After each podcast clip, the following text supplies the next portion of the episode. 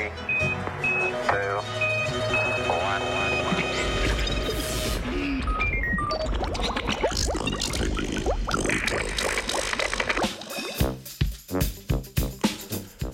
Globalna razgradnja plastike.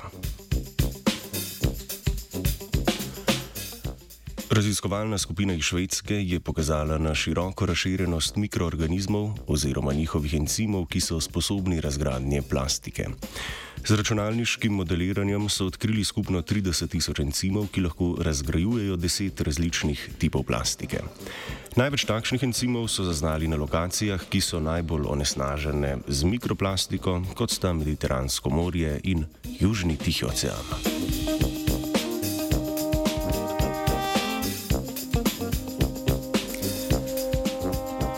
Biološka razgradnja plastike je na vse zaželen proces, ki lahko delno pripomore k bolj trajnostnemu ravnanju z milijoni ton plastičnih odpadkov, ki se nabirajo v morju in na kopnem.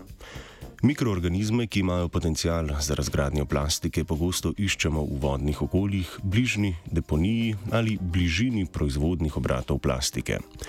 V omenjeni študiji pa so encime za razgradnjo iskali na podlagi podobnosti DNK zapisov za encime, ki imajo eksperimentalno potrjeno sposobnost razgradnje plastike v metagenomskih bazah podatkov.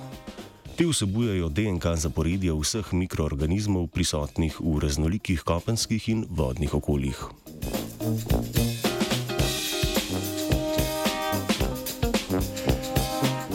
Rezultati so pokazali veliko razširjenost takšnih encimov v oceanih in kopenskih vzorcih tal.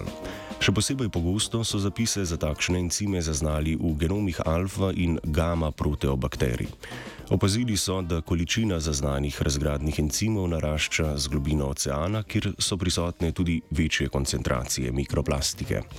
Z analizo podatkov o onesnaženosti analiziranih okolij so prav tako opazili povezavo med večjo količino zaznanih razgradnih encimov in okolji z večjo onesnaženostjo s plastiko.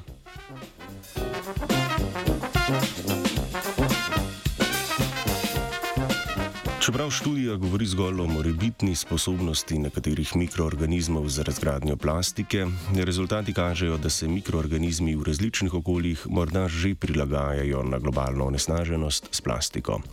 Zagotovo pa študija ponuja številne priložnosti za preučevanje najobetavnejših razgradnih encimov. Zbritov je pripravila Katarina.